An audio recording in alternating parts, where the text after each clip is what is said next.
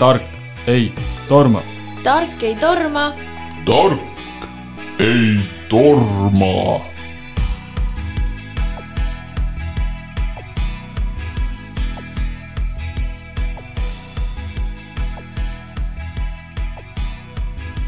head Põltsamaa raadiokuulajad, te kuulate haridussaadet Tark ei torma. mina olen Kadri Suni ja teen täna debüüdi saatejuhi rollis muidu töötan Põltsamaal õpetajana Põltsamaa Ühisgümnaasiumis, õpetan inglise keelt. täna räägime Ukraina sõjapõgenikest Põltsamaa haridur, hariduselus. et see kevad on tulnud taas kord teisiti. Et mm, tuntav on siin Põltsamaa kogukonnas äh, ukrainlaste äh, kohalolu nii linnapildis, aga ka kindlasti hariduselus.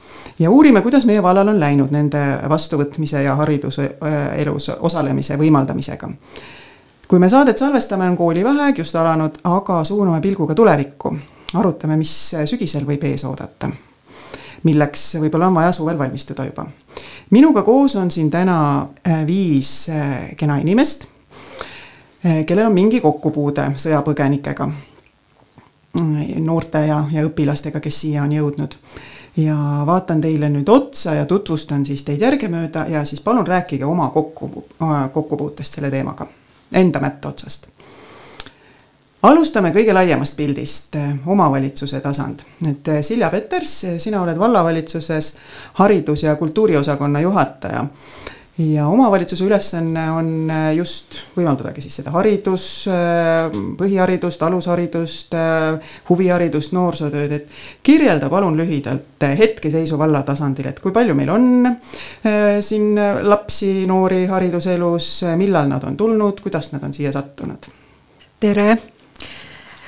Praegu on meil kolmkümmend last koolis, neist enamus Põltsamaa Ühisgümnaasiumis, üks on ka Puurmani mõisakoolis ja lasteaias peaks meil olema üheksa last hetkeseisuga. ja nemad on kõik tulnud tegelikult üsna alguses, kui sõda algas, siis nad tegelikult päris kiiresti siia saabusid, ega esialgu ju keegi ei teadnud, kuidas hakkab minema nii Ukrainas kui meil, kuid ähm, siiski saime aru, et päris kiiresti on vaja neil siiski meie koolielus osalema hakata ja vanemate poolt tuli ka soov, et lapsed saaksid olla siis järelevalve all, sest enamus neist oli oma Ukraina distantsõppel. mõnel ka ei olnud seda võimalust, mõnel ei olnud enam kooli, mõnel ei olnud enam õpetajat. nii et nii nad siis vaikselt hakkasid sulanduma meile sinna. Esimesed kaks nädalat nad ei olnud kooliga seotud, aga pärast seda siis alustasime nende sellist mõõdukas tempos integreerimist mm. -hmm aitäh, Silja. Äh, vaatan otsa Annika Madissonile, kes on Põltsamaa valla lasteaia direktor. Äh, räägi palun äh, nii-öelda lasteaia vaates, et mis, mis olukord teil on ja kuidas teil seni on läinud? tere! meil on läinud seni hästi, nagu juba eelnevalt Silja Peters ütles, on lasteaias üheksa last Äh, viis poissi, neli tüdrukut ja vanuses siis kolmest aastast kuni koolieelikuteni. ja pean ütlema, et äh, kõik lapsed on väga toredad olnud, kõik vanemad on väga toredad olnud ja, ja esimene kokkupuude ja emotsioon on nagu väga positiivne olnud. Eneli Pung on lasteaiaõpetaja, kelle rühmas on Ukraina lapsi. milline sinu kogemus on olnud? tere, äh, minul on kokkupuude siis alates mai algusest Ukraina poistega. Äh, esialgu oli hästi hirmutav, et mismoodi nad äh, sulanduvad, mismoodi lapsed nad omaks võtavad. aga hirm oli asjatu. siinkohal tahan väga kiita just lapsi, kellel on väga suur empaatiavõime, poisid võeti väga hästi omaks. vanematega emaga hetkel küll rohkem on saavutatud ka väga hea koostöö, et äh, tunne on väga hea. Aili Lomp on klassiõpetaja Põltsamaa Ühisgümnaasiumis. räägi, räägi oma kogemusest põgusalt. tere, äh, minu klassi maandus neli õpilast ja mai lõpupoole tuli üks äh, õpilane veel juurde aga põhimõtteliselt oli algusest peale minu klassis siis kolm poissi ja üks tüdruk. ennem kui ukrainlased üldse klassi tulid küsisin õpilaste käest ka, et kuidas me nad paneme, kuhu istuma paneme ja kuidas me nad vastu võtame. ja ühiselt me otsustasime siis, et nad istuvad meie vahel. et ei istu nagu pundis, vaid ongi meie vahel. Nad liitusid kõikidesse tundidesse, välja arvatud eesti keel. see oli neil e-, eraldi ja kui nüüd niimoodi üldiselt võtta, siis nad said väga hästi hakkama Nad olid äh, väga sõbralikud, väga tahtsid õppida, tahtsid koostööd teha ja meie siis kaasasime neid ka kohe oma tegemistesse. ekskursioonid, väljasõidud, igale poole me neid kaasasime. ja nagu lasteaias oli juttu, et vanemad on väga sellised abivalmid ja, ja tahavad, et nende lastel hästi läheks, siis ka kooli poole pealt Eh, vanemad olid väga sõbralikud, väga abivalmid, alati tulid ja alati kallistasid, et nad olid väga soojad vanemad ja neile väga meeldis, et need lapsed leidsid siin omale sellise uue kooli, kus nad siis õppida saavad.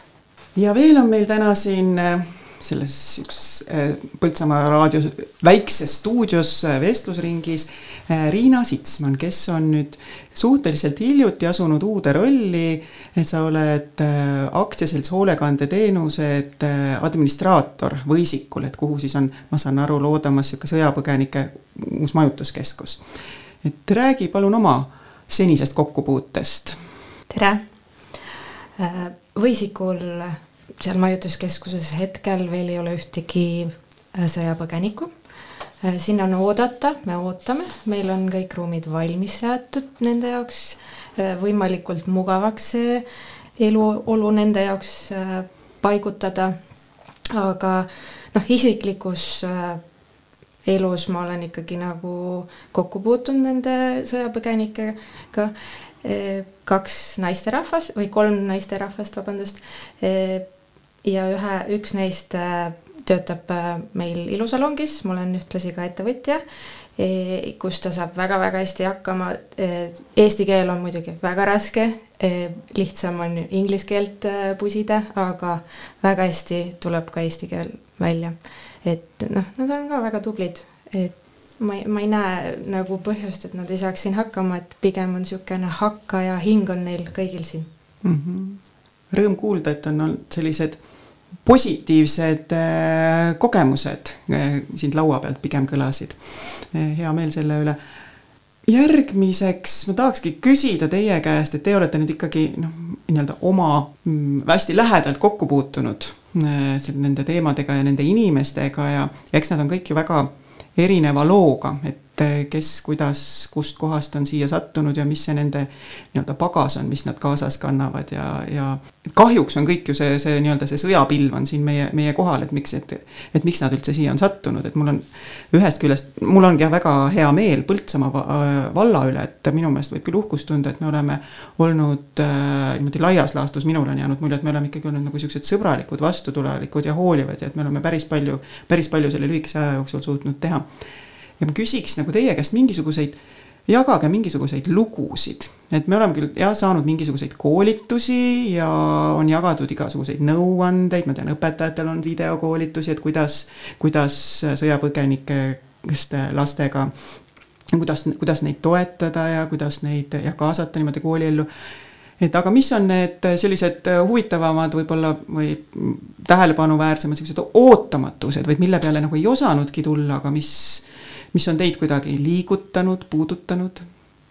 minul tuli selline asi meelde, et nad olid olnud siin küllaltki vähe, kaks poissi ja meil lõppes koolipäev ära ja nemad äh, jäid minu juurde sinna, tõmbasid ukse kinni, istusid laua taha ja me hakkasime rääkima sõja teemal. minu vene keel ka ikkagi väga palju on arenenud. et kuna nendel oli selline mure nad tahtsid seda jagada, siis me sellel teemal vestlesimegi. et miks äh, tõrjuda seda teemat, kui nad tahavad sellest mm -hmm. rääkida ja see oli nagu minu jaoks selline, et nad nagu siis usaldasid või tahtsid kinnitust saada, et kuidas me suhtume sellesse sõjasse ja sõjapõgenikesse. et see jättis sellise nagu väga hea ja sooja tunde sisse, et ta tuli ja ta usaldas.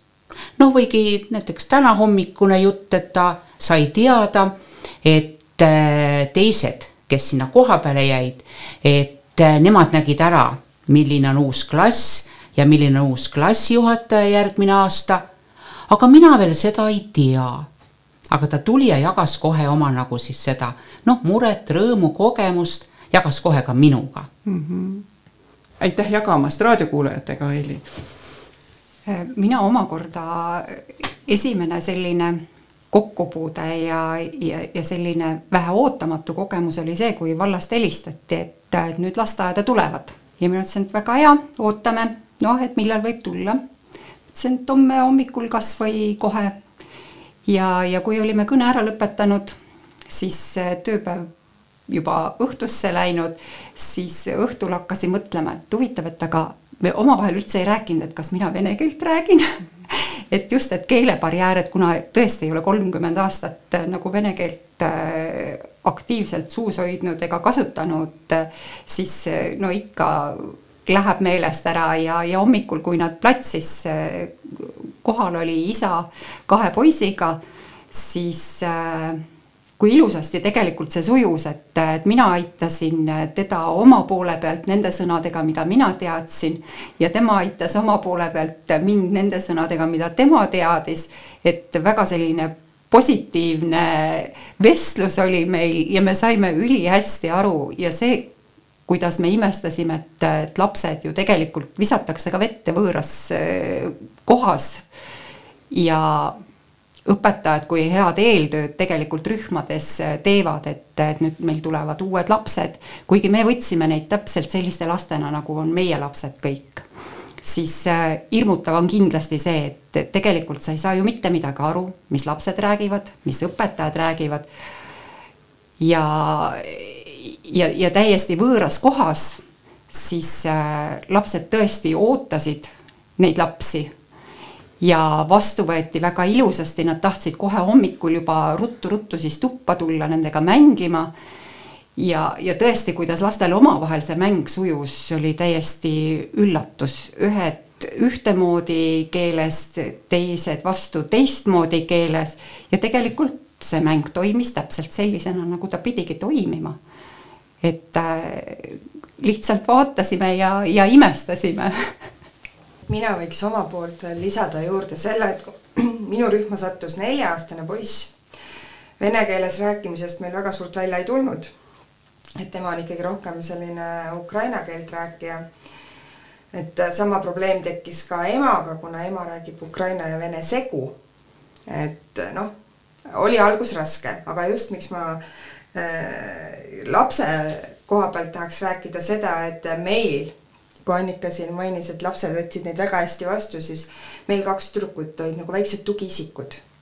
Nad võtsidki sellel poisil käest kinni, seletasid, näitasid, kus, mis on, noh, suhtlesid küll üks ukraina, teine eesti keeles, aga väga hästi said aru, et nädal hiljem oli meie jaoks nii suur üllatus see, kui me tulime muusikatunnist, istusime vaiba peale maha ja see poiss hakkas eesti keeles laulu laulma, mida me laulsime muusikatunnis et see tegi nagu südame nii soojaks, et see oli nii, nii armas ja soe hetk meie kõigi jaoks.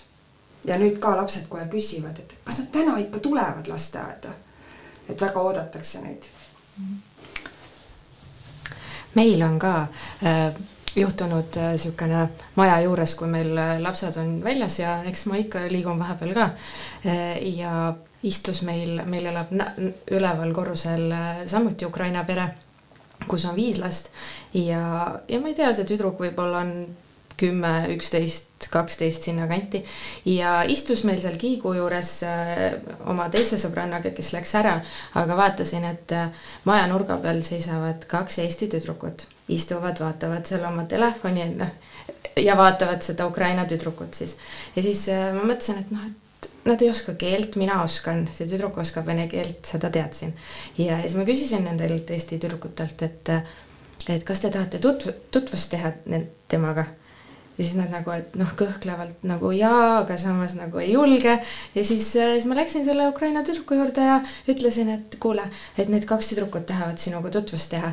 ja kohe leiti see Google Translate ja hakati kohe suhtlema ja, ja noh, see ei ole nagu ainuke intsident, kus ma nagu näen, et Eesti lapsed tahavad nende ukrainlastega tutvust teha, et meil töö juures ripsmetehniku tütar samamoodi äh, ta teadis, et meie juuksuri, juuksuril on äh, tütar ja ta juba kodus ütles, et ma tahan äh, selle tüdrukuga sõbraks saada, et äh, nii vahva on vaadata neid, kuidas nad tahavad ka neid aidata, nagu kohaneda siin meie, meie keskkonnas, et see on väga, väga armas vaadata seda mm. -hmm. Mul tuli veel meelde jah, siin laste, peale laste juttu, et et kui isa ütles mõne sõna ja kasvatajad ütlesid mõne sõna, siis laste pool koolis oli tegelikult samamoodi, et kui ma jäin hätta, aga nemad said minu mõttest juba aru, siis nad aitasid mind sõnadega.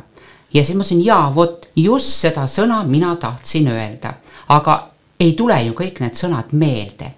selles suhtes on nad jah, väga abivalmid, väga, avatud ja tulevad ja aitavad sind ka kohe mul tuli endal veel, Aili, üks sinu jutt meelde, mida sa õpetajate toas jagasid, ma, kui sa seda rääkisid, mul tuli kananahk ihule. see oli kas vist üks esimesi päevi või noh, väga algusjärgus, et äh, mingisugune, kas vist loodusõpetuses või oli seal Eesti mingid jõgede ja mägede mingi äratundmine ja siis sa rääkisid õpetajate toas, kuidas need Ukraina lapsed olid äh, noh, nagu briljantselt selle ära teinud, nad olid ikkagi väga siis suure huviga siis ka võib-olla siis uurinud seda oma uue kodukoha siis seda geograafiat ja et mis, äh, et mis siin siis asub, et seda oli ka nagu tore, tore kuulata. kas kellelgi tuleb veel midagi sellist meelde, mida tahaksite praegu jagada? minul on, üks päev ma jalutasin ka Äh, mööda koolimajast ja Aili oli lastega väljas.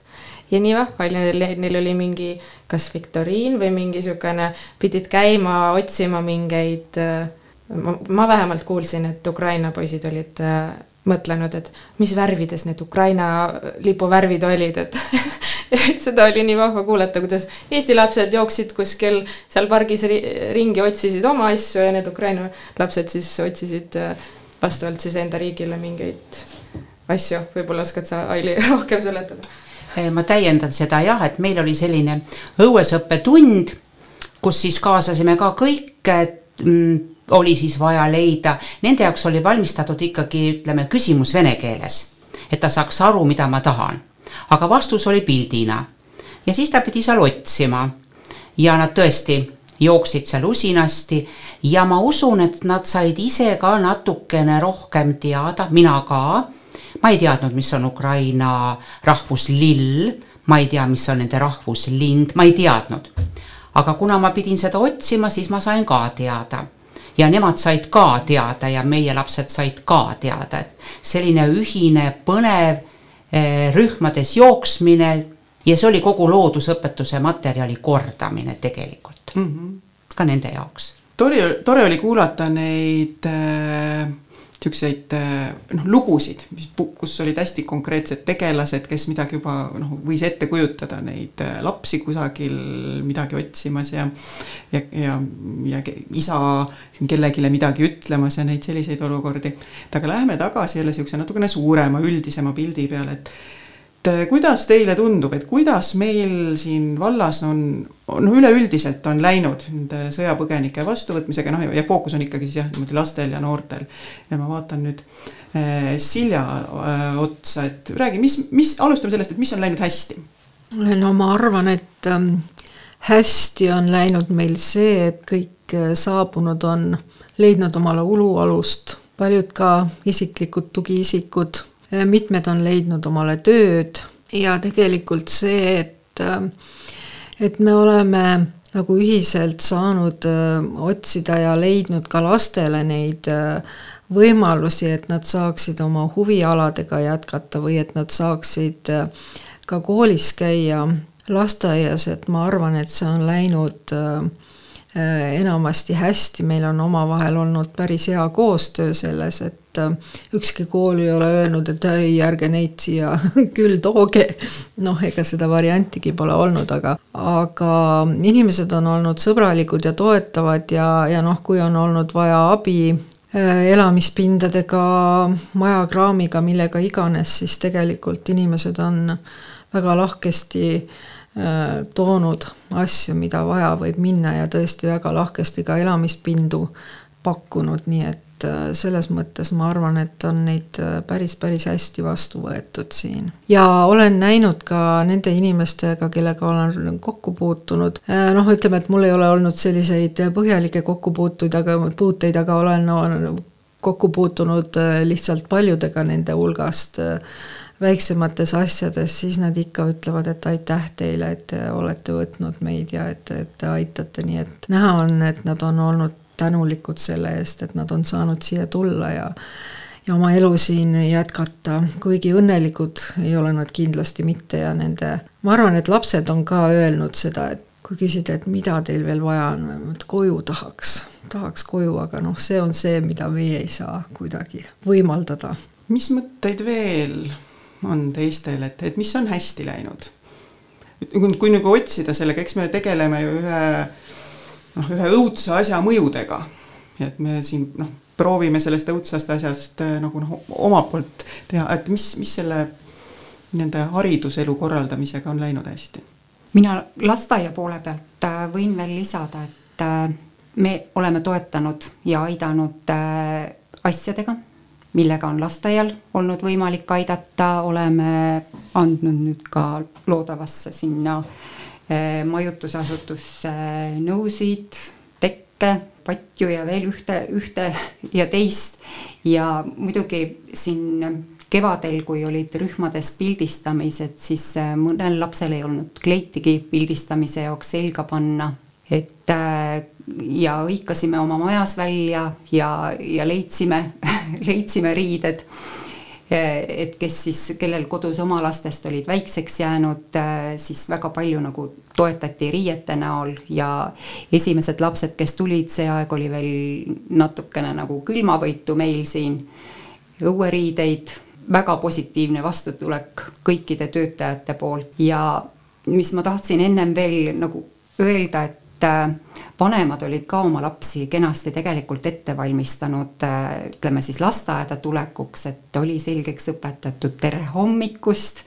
et kui lapsed äh, tulid, et, et see oli nii, nagu väga vahva ja see sellist emotsiooni täis rõõm oli seal, kui, kui laps hõikas, et tere hommikust üle koridori mõnelt meie lapselt ei saa sõnagi suust välja hommikul, et see oli nagu hästi-hästi positiivne ja, ja veel ühes rühmas just see, et, et sa tuled võõrasse kohta, võõrasse keelekeskkonda ja oli alguses küll selline natukene sulgunud laps, aga järelikult ta nüüd on leidnud oma selle turvatunde, et ta on ennast nagu paisu tagant lahti eh, lasknud, ta on nii toimekas, aktiivne, küsib igasuguseid küsimusi ja tegelikult see, kuidas õpetajad eh, toime tulevad, rühmameeskonnad toime tulevad, see on imetlusväärne, et eh, et on siin pidude kuulutustega olnud, oleme tõlkinud need vene keelde ja teinud ka ikkagi samasugused ilusad kuulutused nagu, nagu eesti lastele tegime.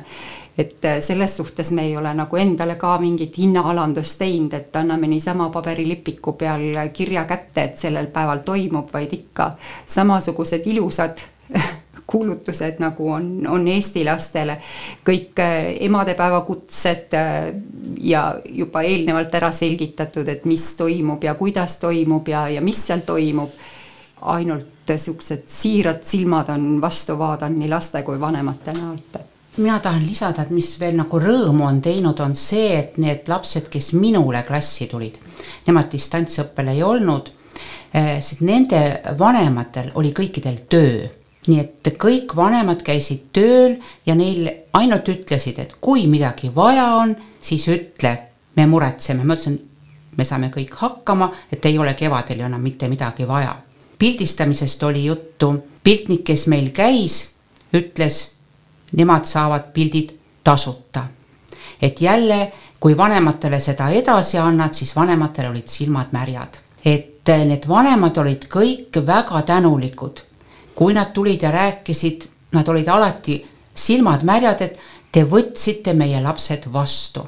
et see oli nende jaoks hästi tore ja ütleme, oli ka minu jaoks hästi selline, selline tore, et nad tõesti tahtsid siin olla ja üks teine tore kogemus oli veel see, mis üks ema mulle rääkis, et emal saab nagu tööviisa nagu läbi, et peaks nagu tagasi minema. aga poiss ütles, mina ei lähe siit mitte kuskile. Mina tahan siia jääda. ja sest esimene mulje, kui nad tulid kooli, ütlesid, siin on nii puhas. sest nendel oli järelikult seal selline must ja räpane. söögid, ütlesid, meil on väga hea või teil on siin väga head söögid nii et nad ei leidnudki mitte midagi sellist nagu negatiivset. ja kui ma täna küsisin, et mis sulle nagu selle õppeaasta jooksul kõige rohkem rõõmu või head meelt tegi, see, et ma tulin Eestisse. et ma sain tulla siia ja siia kooli. no eks on kõik selle sõja taustal, aga see oli tema selline nagu kõige suurem rõõm. hea on selle mõttega minnagi väikesele pausile et äh, siis mõne hetke pärast tagasi tulla ja siis, äh, siis vaatame, kas me leiame ka mida, mingisuguseid muresid. et äh, mida, et vaatame ka seda teist poolt, et hea on kuulda, et siin on kõigil sellised, võib-olla ka on selle tõttu, et on sellised väiksemad lapsed ja nooremad, et ongi võib-olla läinud lihtsalt, et aga siis uurime ka teie kogemustes, et mis te olete kuulnud ka, et noh, mida saaks paremini, mis on, mis on need murekohad. jätkame haridussaatega Tark ei torma minu kõrval siin stuudios on äh, Silja Peters Põltsamaa vallavalitsusest, äh, Riina Sitsman äh, Võisiku majutuskeskusest, Aili Lomp Põltsamaa Ühisgümnaasiumi õpetaja, Annika Madisson Põltsamaa valla lasteaiadirektor ja Eneli Pung Põltsamaa valla lasteaias õpetaja. Eelmises saate pooles me jõudsime rääkida headest asjadest, et mis on meile kogu selle sõja nii-öelda halva asja juures, et mis on ikkagi olnud positiivset ja kuidas meil on selle sõjapõgenike vastuvõtmisega, eh, mis on hästi läinud. aga räägime ka sellest, mis, mida saaks paremini või mis, mis muresid me oleme märganud, et mis, mis probleeme te võiksite välja, mis teile on silma jäänud, et mis, mille peale võiks mõelda, et nüüd kui on nüüd nagu suvi vahele tulemas ja et kui me sügisel alustame niisugust uut haridusaastat, et mis, mille peale siis võiks mõelda? kuna minul neid on seal noh, kui nüüd kolm tükki kavatsevad meil kooli jääda, siis tegelikult kõige suuremaks mureks on keel, et äh, kui nad suvel saaksid oma keelekoolitust, võib-olla õpiks ise, et siis oleks neil sügisel kindlasti lihtsam, äh, oleks õpetajal lihtsam ja oleks ka noh, klassikaaslastel lihtsam nendest aru saada, see suhtlemise tasand. muidu nad on väga tublid õpilased kõik, aga väga suur töö on see, et sa pead tegema selle asja mitmes keeles, ringi tõlkima ja siis on teinekord ka, et kas see nüüd on õigesti, kas ta saab sellest aru või ei saa. et see, see keele asi on üks, üks suur murekoht mina arvan. küsingi kohe Silja käest, et kas meil suvel mingeid keeleõppelaagreid on tulemas? no keeleõpe on meil praegusel hetkel vist üks kõige suurematest murekohtadest ja tegelikult on võimalus meil taotleda ka raha projektidest selleks, et keelelaagreid läbi viia, millega me praegu tegeleme selle ettevalmistamisega, kuid meie kõige suurem probleem on siiski inimesed, kes saaksid õpetajad olla, kes tahaksid neid õpetada ja see on, see on see, need inimesed, keda meil, keda meil on praegu tõenäoliselt puudus, nii et me ei tea, kuidas me selle probleemi veel lahendame. aga ilmselge on see, et me peame selle probleemi kuidagimoodi äh, sellele lahenduse leidma. mõned lapsed lähevad ka suvel laagrisse, laagritesse, mis on äh, Äh, mis on korraldatud äh, laagri korraldajate poolt, mida siis äh, riik toetab, et lapsed saaksid minna ja loodame, et neil on seal ka mingi keeleõpe, aga aga jah, see järjepidev keeleõpe on see, mille, millega ma arvan, meil on üks suuremaid probleeme, mis meil siin, meid siin sügisel ees ootab. ja, ja sama ka tegelikult koolis, et, et lapsed peavad saama seda keeleõpet rohkem et, et see inimeste, inimeste küsimus, ma arvan, lasteaias on see väiksem, et väiksed lapsed õpivad selle rühmas ära ja kui neid ei ole seal ka palju, on mõned üksikud Eesti laste hulgas, siis see läheb kindlalt lihtsamalt, aga äh, kõige suuremat muret valmistavad kaheksanda, üheksanda klassi õpilased ja need, kes juba gümnaasiumi poole siirduvad, et et jah, see on murekoht kindlasti. aga kas, kas me seda saame täna välja öelda, et kas mingisugune keele õppimise, niisugune intensiivne keele õppimise võimalus nendele Põltsamaa kogukonna ukrainlastele tuleb suvel Põltsamaal? ma ei julge seda praegu välja öelda, tegutseme selle nimel küll. Mm.. olete veel märganud mingisuguseid selliseid noh, mingeid selliseid asju veel, mille peale võiks mõelda või et mis võib-olla ei ole nii hästi läinud, et meil siin eelmises saate pooles äh, oli juttu sellistest äh, nii siis lasteaialastest kui ka kooliõpilastest, algklassidest, kes on, kes on seotud mingi kas siis rühma või klassiga niimoodi noh, nii-öelda siis nagu päriselt. aga et eks neid äh, Ukraina õpilastele siin on ka otsitud paindlikke võimalusi, et paljud on distantsõppel oma koolidega seotud ja on mingid osa, osade Äh, ainetes või mingisuguses mahus osalevad Eesti koolielus, Põltsamaa koolielus, et mis, mis asju te selles vallas olete kuulnud või mingisuguseid mõtteid? ma arvan, et siin ongi äh, see üks kõige raskemaid kohti, et me ei tea, mismoodi Ukraina lapsed järgmisel aastal oma distantsõppel jätkavad või kuidas seda, seda lahendatakse. ja kui neil on, äh, vähemalt sellel aastal on jäänud mulle mulje, et kui neil on see oma distantsõpe seal ikkagi toimib, äh, siis nad ei taha sellest loobuda ja, ja kui nad ei taha sellest distantsõppest loobuda, siis eh, tegelikult nad on ju tulnud väga erinevatest kohtadest ja see distantsõpe toimib väga erinevalt meil on äh, lapsi, kes on tõesti distantsõppel hommikust kuni pika pärastlõunani kella kolmeni.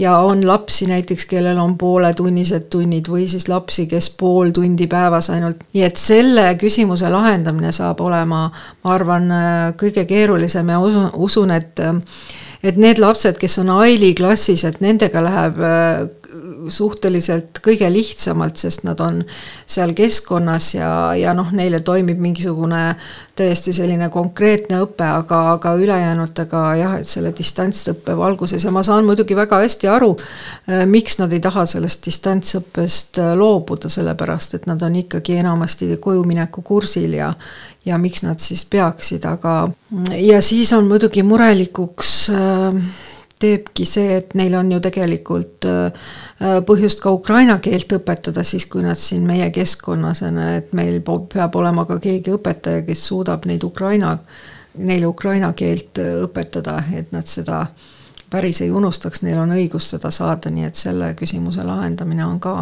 kuigi nad jah, osa neist on venekeelsed, osa on ukrainakeelsed, et mida neile siis vaja läheb.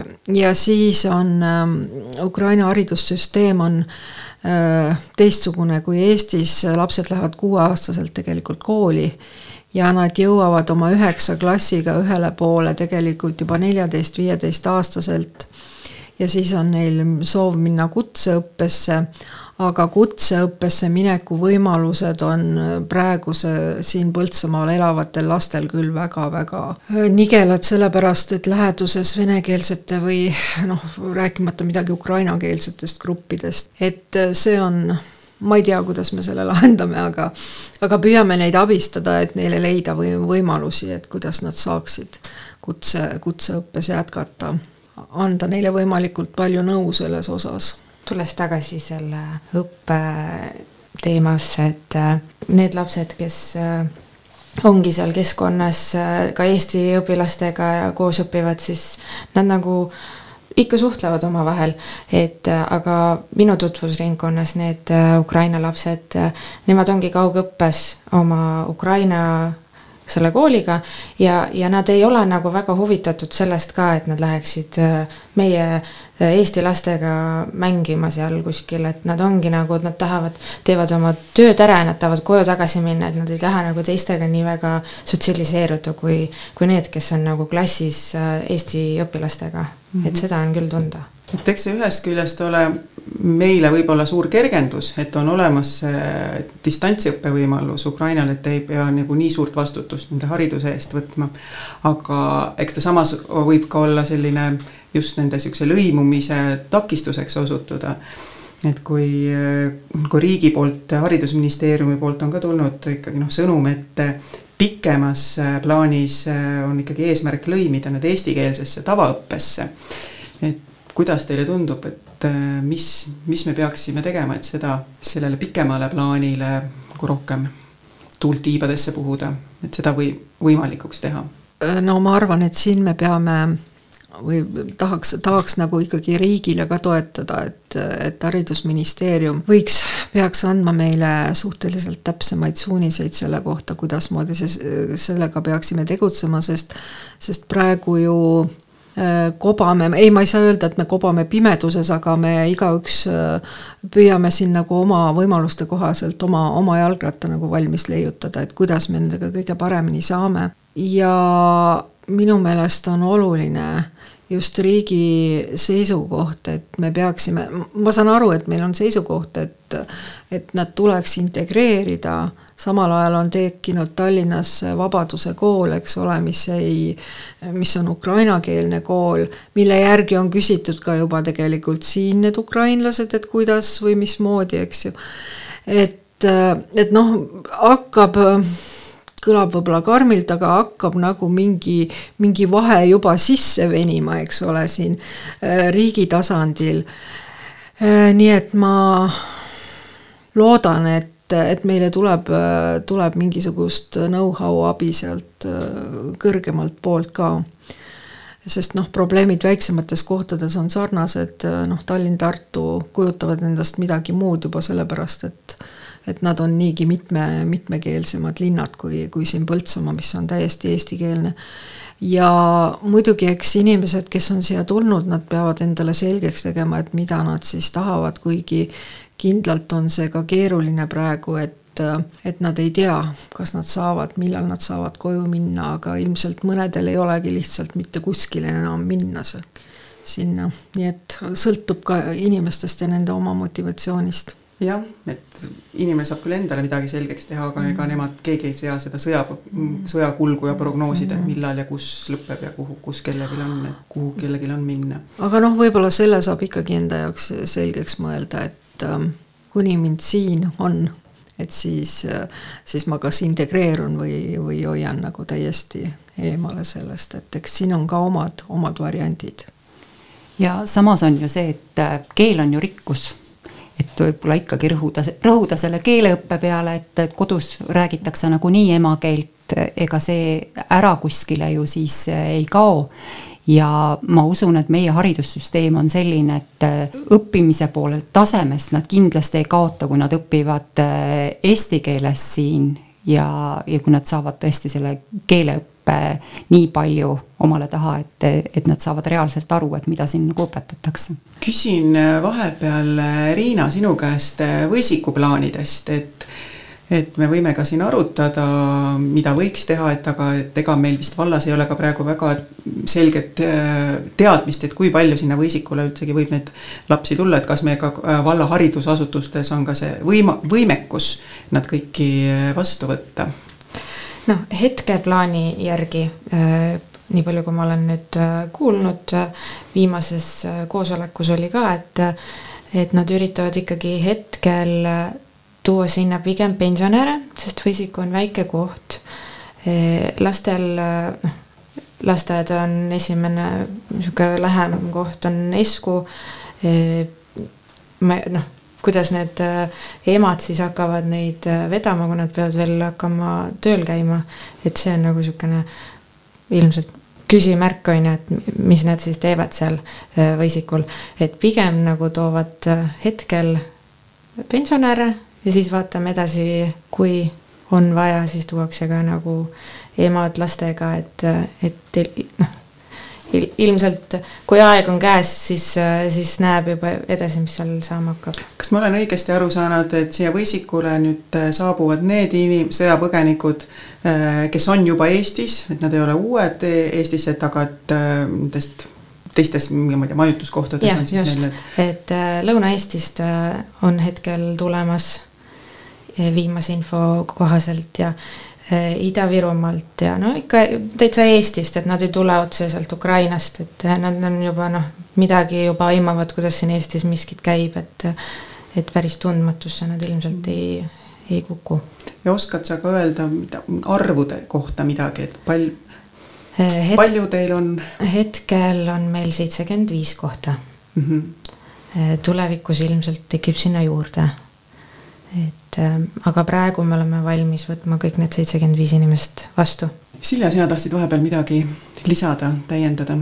Äh, ma tahtsin öelda selle kooli ja lasteaia kohtade kohta, et, ähm, et kui tõesti neid inimesi sinna Võisikule tuleb lastega ja neid tuleb sinna palju, ütleme, et siis noh, vallal ei ole lihtsalt valikut, et see kooli ja lasteaiakohtade küsimus tuleb ära lahendada, et noh, keegi ei saa jääda kooli ja lasteaia kohata, kui tal seda vaja on, nii et nii et selles mõttes meil tegelikult ruume siin linna ümbruses ka leidub ja küllap saab ka transpordi ära korraldatud. jah, saab, transpordi saab kindlasti ka ära korraldatud, et, et oleme selle peale natukene ikkagi mõelnud, et, et noh, et me peame lihtsalt hakkama saama, et ega meil, ega meil valikut ole.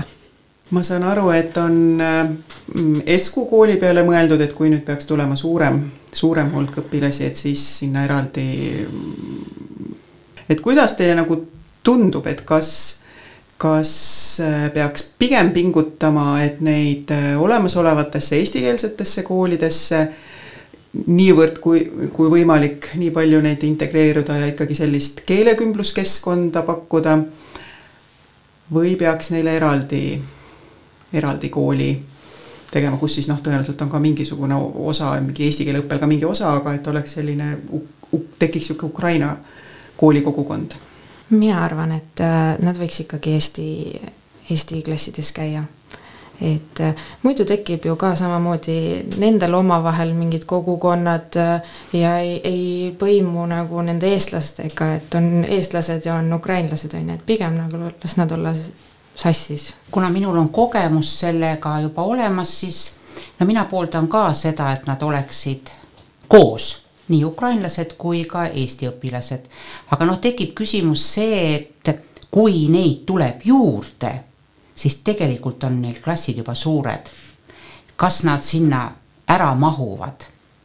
et see mure võib ka tekkida, praegu eh, need, kes on koolis, eh, need on koolis, aga kui peaks tekkima või tulema veel juurde, et kas nad mahuvad ära mm. -hmm. ja siis võib-olla peabki olema tõesti see eraldi no ma arvan, et ma olen oma seisukohta vist äh, muutnud sellest hetkest saadik, kui ähm, äh, kui sõda algas ja kui esimesed hakkasid tulema, ma tõesti mõtlesin, et see võib-olla on parim lahendus, et kui neid tuleb palju, et, et noh, et neil oleks nagu omad võimalused, noh, kas Esku siis Pisisaare, kus meil on nagu olemas ruumid, aga järjest enam ma olen ähm, siiski hakanud mõtlema selle peale, et see ei, ei pruugi olla õige lähenemine, et et see varakult integreerimine võiks, võiks nagu paremat tulemust anda, et muidugi samal ajal, kui tehakse, et inimene läheb nagu kindlasti tagasi.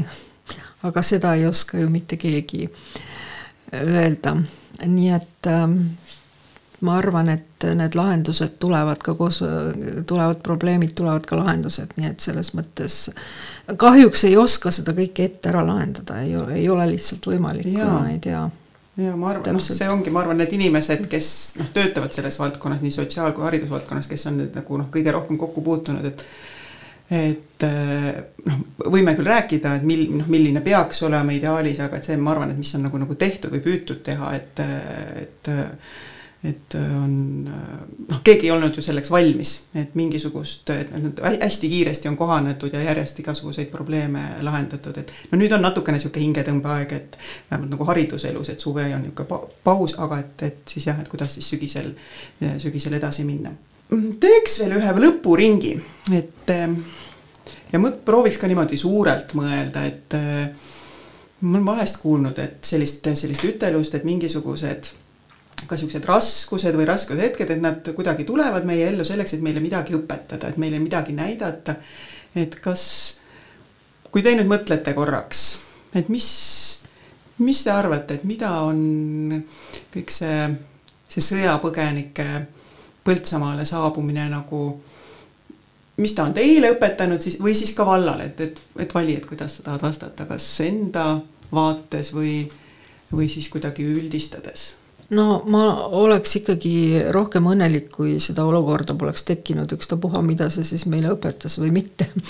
aga, aga õpetanud on ta kindlasti seda, et sa pead olema kiirekohane ja et äh, tulevad probleemid, tulevad lahendused ja see on äh, nüüd jõudnud ka haridusasutustesse, et äh, seal ka töötajad näevad, et noh, kohaneda tuleb kiiresti ja ma arvan, et see on olnud selline äh, selline õppetund ja, ja, ja võib-olla ka hea õppetund, et vahel lähevad asjad nii, et ah, ei saa, et teeme nii ikka nagu vanasti, aga noh, mingid olukorrad lihtsalt äh, panevad sind teisiti tegutsema ja, ja see võib mõnikord päris hästi kasuks tulla, et hakata ka teiste asjade peale natuke laiemalt ja võib-olla teistmoodi, et tegelikult lahendamatuid olukordi enamasti siiski pole olemas.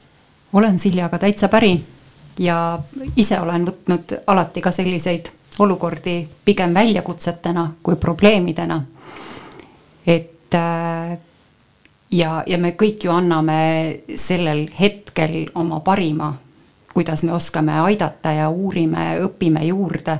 et äh, ma arvan, et seda tarkust ja oskusi on äh, igasuguseid see meile juurde andnud, et kuidas käituda, kuidas kohaneda ja ma omalt, omalt poolt või omal viisil üritan seda ka majasiseselt natukene aktiivsemana ja, ja julgemana nagu õpetajatel ette võtta selliseid asju, et, et ei ole vaja karta, et, et oleme nüüd siin hetkel ja toimetame just parasjagu nii, nagu me oskame ja, ja kõige paremal poe, moel anname endast parima, sest äh, ootamatusi tuleb kogu aeg, muutusi tuleb kogu aeg ja kohanema me peame kogu aeg et siinpool ma tahakski aitäh, Annika, sulle öelda, et sa selle kogemuse mulle andsid ja need lapsed mulle rühma tõid, et äh, see oli minu jaoks väga suur väljakutse oma, oma hirmudega just, äh, oma hirmude seljatamiseks, et äh, ja ma olen enda üle ka tegelikult väga uhke, et ma sellega hakkama sain.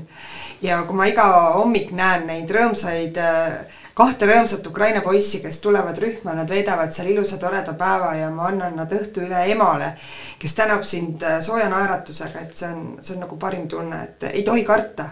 et õpime sellest, mis meil on Eh, iga väljakutse, mis siis nagu sinu teele tuleb või noh, viib sind välja või toob sind välja sellest mugavustsoonist võib-olla, kus sa oled noh, juba võib-olla oled kuskile laskunud, mugavustsoon, et lapsed kõik tuttavad ja selline, aga siis mingi selline väljakutse, see toob su nagu sealt välja, raputab su ülesse, siis hakkad otsima jälle võimalusi, kuidas midagi teistmoodi teha. et see on see minule niisugune väga hea kogemus ja muidugi ka keelekogemus, mille oled juba tegelikult ju ära unustanud. aga nagu ma ütlesin ka lastele ja lastevanematele ka, et keel on suhtlemisvahend, mitte midagi muud. Et kui ma tahan kellegagi suhelda, siis ma kasutan keelt, olgu ta siis vene keel või inglise keel või mida iganes ja meie, eestlased, tegelikult äh, oleme väga õnnelikud, et meie Eesti, Eesti riik võimaldab meie lastel tasuta igasuguseid asju. E, et äh, ukrainlased on mulle samamoodi öelnud, et uskumatu, kust kuidas teil nagu väärtustatakse neid lapsi, et sa lähed hambaarstile, sa ei, sa ei maksa siin selle hambaravi eest, haigekassa maksab seda, et neil on kõik see niisugune tasuline ja täpselt võrdsed nagu need äh, täiskasvanud, et me oleme väga-väga õnnelikud siin Eestis, et meil on see võimalus tagatud. Mm. Ma kuulen ka seda, et see noh, ukrainlaste siia tulemine on ka aidanud meil niisuguse nagu kõrvalpilguga iseenda, ennast ja enda ühiskonda vaadata ja ka võib-olla rohkem hinnata seda, mis ka Eestis on, mis Eestis on hästi. ma väga-väga tänan teid, et te tulite täna siia sel teemal äh, rääkima, minul oli väga huvitav teiega ja ma loodan, et ka äh, raadiokuulajaid said sellise väikese ülevaate, et kuidas meil siin Põltsamaa valla hariduselus nende äh, Ukraina laste ja noortega on, on seni läinud ja, ja mis, mis võib ees oodata. aitäh teile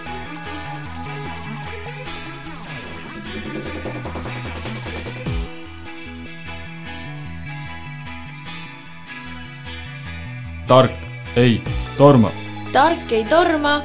tark ei torma